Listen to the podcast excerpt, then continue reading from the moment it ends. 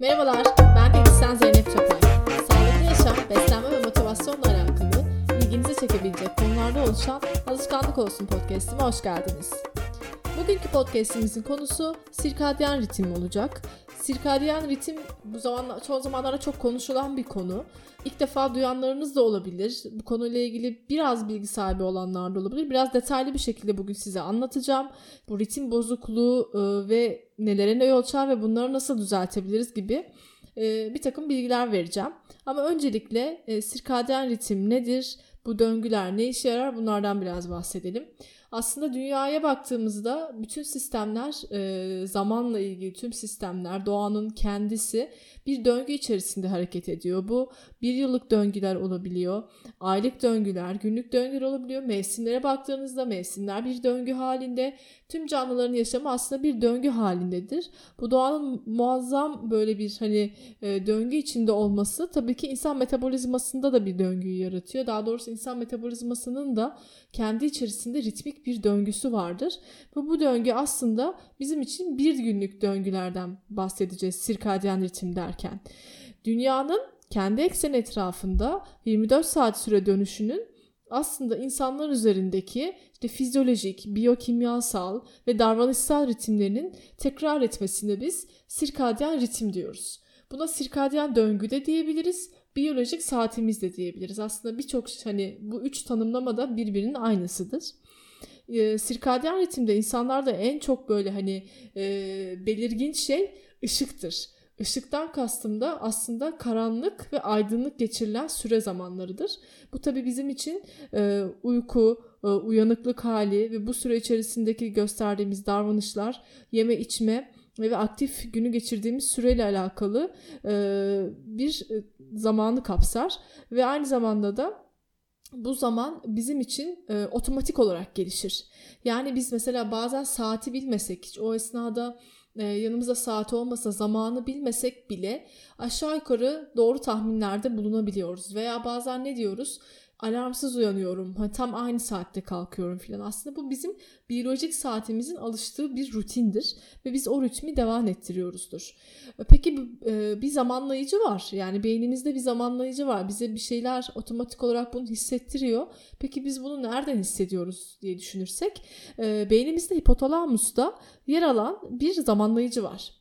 Suprakiazmatik nükleus deniyor buna. Evet ismi birazcık karışık ama bu zamanlayıcı gerçekten bizim bu döngüyü yaratmamızı sağlıyor ve bunun en önemli nedeni de ışıktır. Yani karanlıkta geçirilen süre, aydınlıkta geçirilen süre şeklinde bir ayrım vardır ve metabolizmamız da aslında buna göre ritim halindedir ve buna göre düzenlenir. Bu ritmi etkileyen birden fazla faktör var. Hormonlar var, ışık var, yaşam şekli var, ondan sonra psikolojik ve stres faktörleri var. Biraz bunlardan bahsedeceğim şimdi aslında hani gece uyku süresiyle alakalı salgıladığımız bir takım hormonlar var. Bunları hepimiz duymuşsunuzdur. Özellikle melatonin hormonu gece saatlerinde e, bizim salgıladığımız bir hormon ve bütün metabolizmamızı düzenlemeye yardımcı, e, kan şekeri regülasyonundan ondan sonra hücre yenilemesine kadar vücudun dinlenmiş olmasıyla kilo kontrolüne kadar birçok şeyde etkilidir melatonin hormonu. Ama uyku hormonu diye geçer. Birçok kişi bunu biliyordur zaten. Beynimizdeki pineal bez dediğimiz bir noktada karanlığın etkisiyle e, melatonin salgısı açığa çıkar ve bu melatonin salınımı karanlığın başlamasıyla başlar. Yani aslında gün batımıyla başlıyor ve e, gece saat 2 ila 3 arasında pik yapıyor. Yani en fazla biz gece 2 ila 3 arasında aslında e, melatonin salgısına sahibizdir. Ondan sonra sabaha karşı bu melatonin salgısı son buluyor. Ve tabii melatonin salgısı son buluyor ama daha birçok şey salgılıyoruz o esnada. Mesela e, melatonin salgısının sabaha karşı son bulduğu noktalarda vücudumuzda kortizol seviyesi en yüksek seviyeye çıkıyor. Yani saat 5 gibi mesela kortizol seviyemiz çok yüksek olur. Nabız çok yüksek olur. Dolayısıyla e, bu saatlerde de vücudumuzun o ritmik dengesi devam ediyor deriz. E, ve kortizol seviyesi sabah en yüksek seviyededir. Daha sonra e, gün içerisinde akşama kadar böyle kademeli olarak da düşüş gösterir. Ama şehir hayatında tabii biz bir takım stresler yaşıyoruz. Trafik var bilmem ne var. Belli bir kortizol seviyesini hep aslında stres hormonu seviyesinde sabit tutuyoruz diyebiliriz bir yandan. Artı bir de bu hormonlarla beraber yani tek başına biz tabii ki bunları salgılamıyoruz. Bir sürü hormon salgılıyoruz.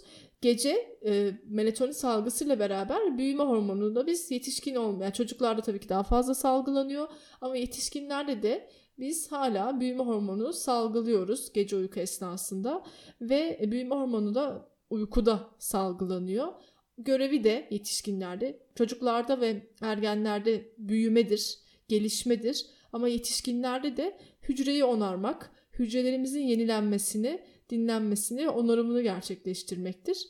Ve aynı zamanda da bizi yaşlanma, yaşlanma karşıtı bir hormon olarak da düşünebiliriz bir yandan.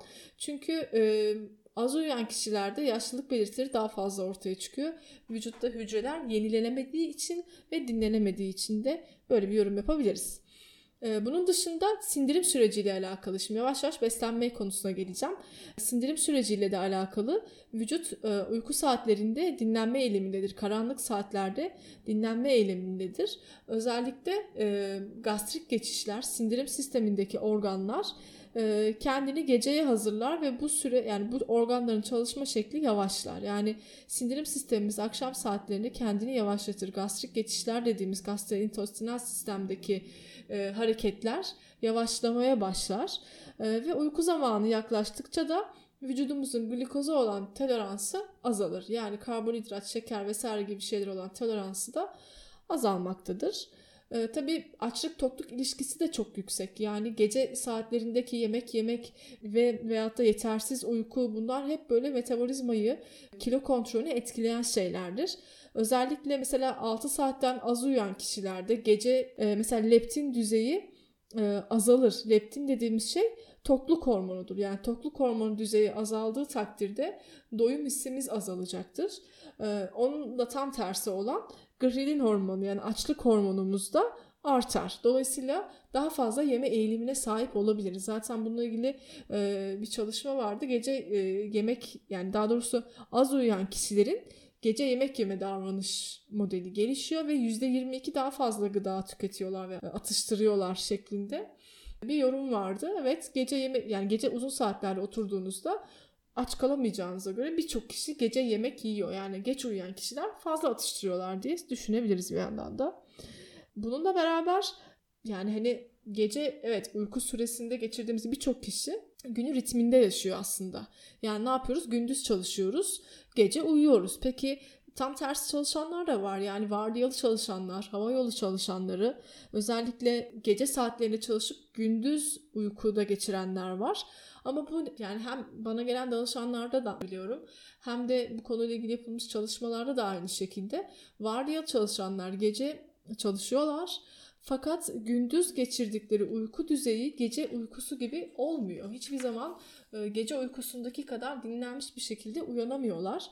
Çünkü vücudun tam böyle gece saatlerini düşünürsek tam vücudumuzun ritmik anlamda dinlenme zamanına geçtiği düzeyde onların en aktif çalışma temposu olmaya başlıyor.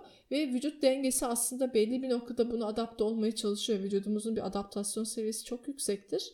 Fakat e, belli bir yerden sonra o düzensizlik bir takım bozuklukları da neden olabiliyor. Çünkü e, vardiya çalışan kişiler sabah karşı eve gidiyorlar ama genellikle 8 saat uyumuyorlar. Mesela daha az uyuyabiliyorlar. E, uyku düzensizliği, işte uyku süresindeki azalmalar bu kişilerde obezite riskini arttırıyor. Mesela işte 2011 yılındaki bir çalışma Japonya'da e, vardiyalı çalışan ve vardiya aynı şirkette vardiyalı ve normal saatlerde çalışan kişiler üzerinde yapılmış ve uzun süre incelenmiş bu kişiler. Belli bir grubu 27 yıl boyunca incelemişler o beri gelen süreci diyeyim yani. E, vardiyalı çalışan kişilerde obezite oranı daha yüksek çıkmış. Çünkü metabolik bir düzensizlik söz konusu var diyebiliriz bu e, sürede. Aynı zamanda e, bu sirkadyen ritmin, e, bu döngünün en çok bozulduğunu hissettiğimiz dönemlerde uzak mesafe uçuşları ve jet lag etkisidir.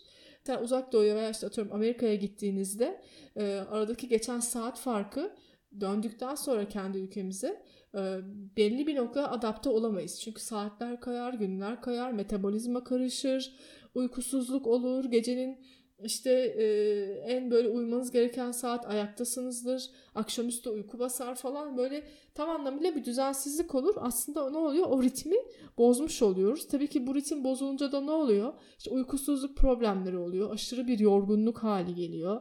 İştahsızlık başlayabiliyor. Yani gün içerisinde iştahsızlık oluyor ama e, gece saatlerinde açılan bir iştah söz konusu olabiliyor.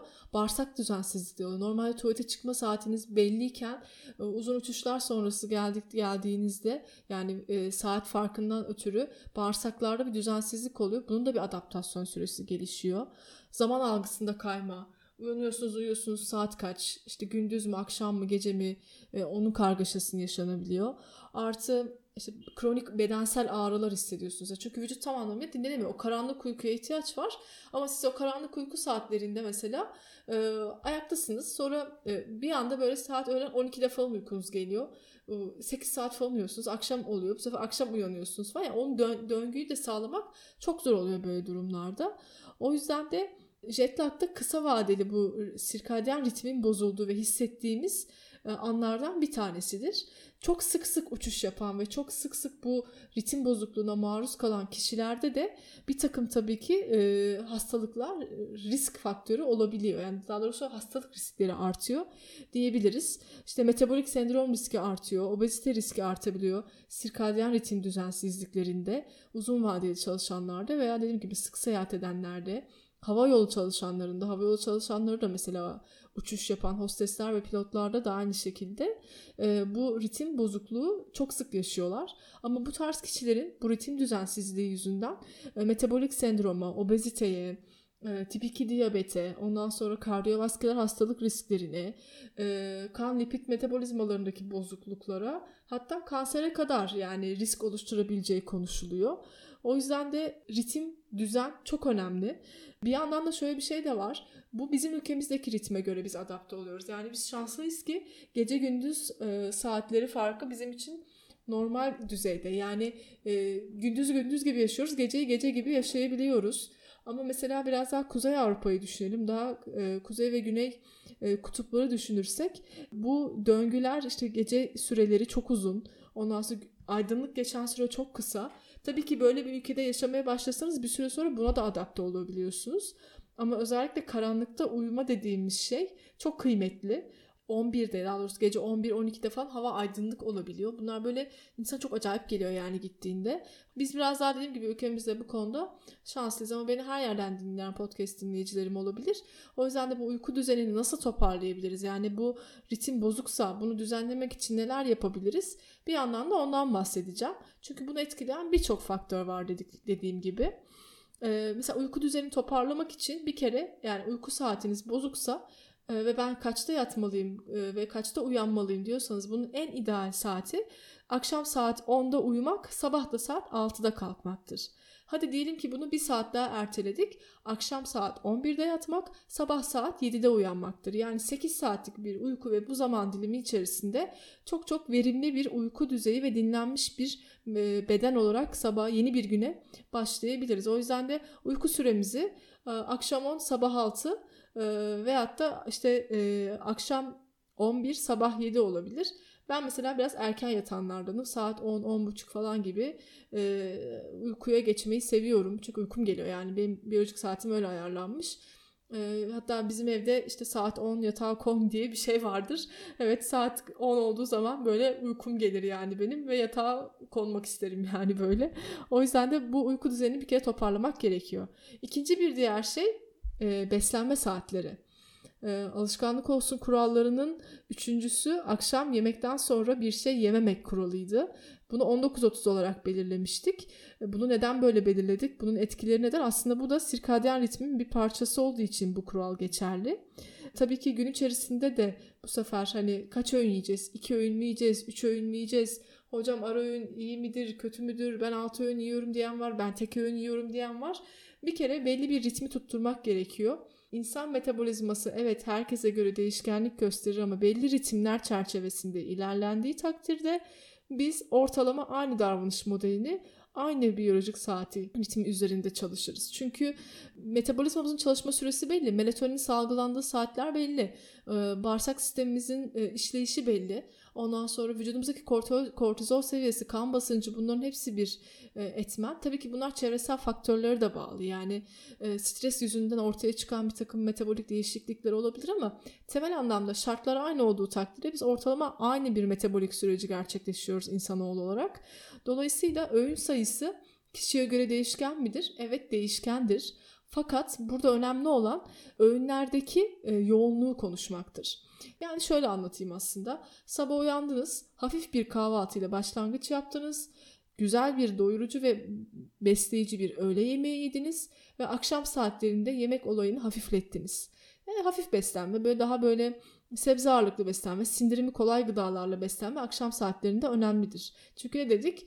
E, gastrik boşalım yavaşlıyor, sindirim süreci yavaşlıyor. O yüzden de akşam hafif gıdalar yemek gerekiyor. Bizde diyetisyenlerin böyle klasik lafları vardır işte akşam hafif yiyin falan. Ama bunlar işte buradan geliyor. Yani hani bunlar hep böyle standart söylenmiş cümleler gibi geliyor ama evet akşam saatlerinde hafif yemek ve yemekten sonra bir şey yememek çok çok önemlidir.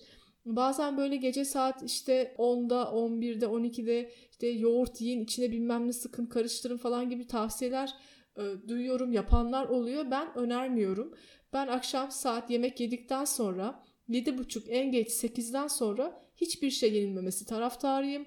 E, sıvı tüketim olabilir, bitkisel çaylar olabilir. Fakat e, gıdalar konusunda e, herhangi bir şey yenilmemesi öneriyorum. Hem danışanlarıma hem gelen kişilere. Bazen tabii geçiş dönemleri oluyor. Kişide eğer bir takım sağlık problemleri varsa, hipoglisemisi varsa, kan şekerinin dengesini bozuluyorsa veya strese bağlı bir yeme atağı varsa o zaman belli alternatifleri tabii ki geçiş dönemi olarak konuşuyoruz. Ama temel anlamda insan metabolizmasını dengelemek için, sağlıklı bir beden yapısına sahip olmak için akşam belli bir saatten sonra herhangi bir gıdayı tüketmemek gerekiyor. Bir diğer şey öğün sayısına dönelim yine. Öğün sayılarıyla beraber kahvaltı yapmak istemiyor olabilirsiniz. Ama o zaman öğlene doğru güçlü bir kahvaltı yapacaksınız. Bir de akşam yemeğinizi yiyeceksiniz gibi düşünebilirsiniz. E, o zaman ne oluyor? İki öğün yapmış oluyorsunuz aslında. Arada tabii ki taze meyve atıştırma vesaire gibi bir şey yapabilirsiniz. Çünkü bizim öğlen saatleri metabolizmamızın en güzel çalıştığı saatlerdir. Zihnen ve bedenen vücudumuzun en aktif olduğu saatlerdir konsantrasyonumuzun yüksek olduğu saatlerdir. O yüzden de orada düşük kalorili, düşük enerjili bir şey tüketmek bizim günlük enerjimizi de aşağı çeker ve yorgun ve akşama çok enerjisiz bir şekilde girmemizi sağlar. Bu sefer de akşam çok yemek yemek isteriz. O yüzden de iki öğün besleniyorsanız eğer evet saat 10-11'de güzel bir güçlü bir kahvaltı, besleyici bir kahvaltı bir de akşam yemeğinde akşamüstü çok geç olmamak kaydıyla böyle saat 6 gibi falan güzel bir akşam yemeği ve 6-7 gibi güzel doyurucu bir akşam yemeğiyle e, geçiştirmek gerekiyor diye düşünüyorum. Artı ara öğün atıştırma vesaire gibi şeyler kişinin ihtiyacına göre değişir. Ben de beslenme programlarında ara öğün eklerim ama insanlara yani danışanlarıma ve tüm insanlara şöyle tavsiyeler verilmesinden yanayım. Ara öğün ihtiyacınız varsa yapın yoksa gerek yok. Eğer ki saat düzeni bozuluyorsa, kişinin kan şekeri dengesinde bir bozukluk oluyorsa, ara öğün yapmadığı için akşam yemekten sonra yemek yeme isteği oluyorsa o zaman evet ara öğün zorunlu hale getirilebilir. Ara öğün kişiye göre değişen bir istektir. Kişiye göre değişen bir tavsiyedir. O yüzden de burada insan biraz kendini dinlemesi gerekiyor. Yani benim ara öğüne ihtiyacım oluyor mu olmuyor mu? Ben ara öğünsüz mutlu muyum mutsuz muyum? Ee, kendimi nasıl hissediyorum? Enerjim düşüyor mu düşmüyor mu? Biraz bunları dinlemek gerekiyor. Beslenme, beslenme uzmanınıza bunları iyi bir şekilde ifade etmeniz gerekiyor ki o da size buna göre bir program çıkarsın aslında. Bu konuda tam anlamıyla standart bir e, öneri yoktur. Kişiye göre değişken öneriler vardır diyebiliriz. Kahvaltı yapmayı da seviyorsanız eğer ben güne kahvaltısız başlayamam da diyorsanız evet ben de kahvaltıcı bir insanım ben de kahvaltısız yapamam ama hafif bir kahvaltı yapmak güne hafif bir öğünle başlamak lifli bir öğünle başlamak iyi gelecektir. O zaman hafif bir kahvaltı güçlü kuvvetli bir öğlen yemeği, hafif bir akşam yemeği şeklinde de öğününüzü düzenleyebilirsiniz. Yemekten sonra da ne diyoruz alışkanlık olsun kuralında saat 7.30'dan sonra bir şey yemedim kuralında gerçekleştirdiğimiz takdirde gece çok rahat bir uyku ve artı bununla beraber de ertesi güne gayet sağlıklı ve dinç bir şekilde de uyanabilirsiniz. Aslında bu ritmi bu şekilde sağlayabiliyoruz. Bir diğer şey uyku kalitesi. Uyku kalitesini arttırıcı bir takım faktörler de vardır. Bunlarla beraber bitki çaylarından faydalanabilirsiniz. İşte melisa, papatya, gül çayı, yasemin gibi çaylar etkili olacaktır. Ondan sonra kızılcık ve vişne çayı da keza özellikle melatonin salgısını arttırdığına yönelik bir takım çalışmalar var. Az da olsa arttırdığına yönelik. Bu tarz şeyleri kullanabiliriz. Bitki çaylarını kullanabiliriz yani. Fakat uyarıcı olan işte kafein içeren siyah çay, yeşil çay, mate, ondan sonra eğer kahve uykunuzu kaçırıyorsa kahve, alkol gibi uyarıcı şeyleri akşam saatlerinde çok fazla içmenizi önermem. Uyku kalitesini etkiliyor çünkü gerçekten. Bununla beraber çağımızın böyle hani vazgeçilmez dediğimiz şey mavi ışık. Bilgisayar ve telefonlardan gelen mavi ışıkta ki e, salgılanan melatonin seviyesini düşürüyor. O yüzden gece çalışan kişilerde, gece ekrana bakarak çalışan kişilerde, telefonla ilgilenen kişiler bu mavi ışığı kesen gözlükler var mesela. O gözlüklerle beraber çalışabilirler. Bu bir önlem olabilir. Artı telefonlarımızda şey özelliği var. Sarı ışığa dönmek diye bir özellik var artık. Akşam belli bir saatten sonra e, ekranlarımızı mavi ışıktan o sarı ışığa döndürebiliriz. Bu da yine önemli faktörlerden bir tanesi uykuya geçişle alakalı. Bir de önemli şey karanlık ortam. Işıksız ortamda uyumak gerekiyor. Çünkü melatonin hormonu sadece karanlıkta en iyi şekilde salgılanıyor. Şimdi bahsettiğim üzere bu e, sirkadyen ritim çok geniş bir konuyu kapsıyor. Bir günlük döngüyü anlatmaya çalıştım sizlere. Bugünkü podcast'imi de tabii ki her zamanki e, olduğu gibi sloganımla bitirmek istiyorum. Sağlıklı yaşam alışkanlık olsun diyorum. Herkese sağlıklı, mutlu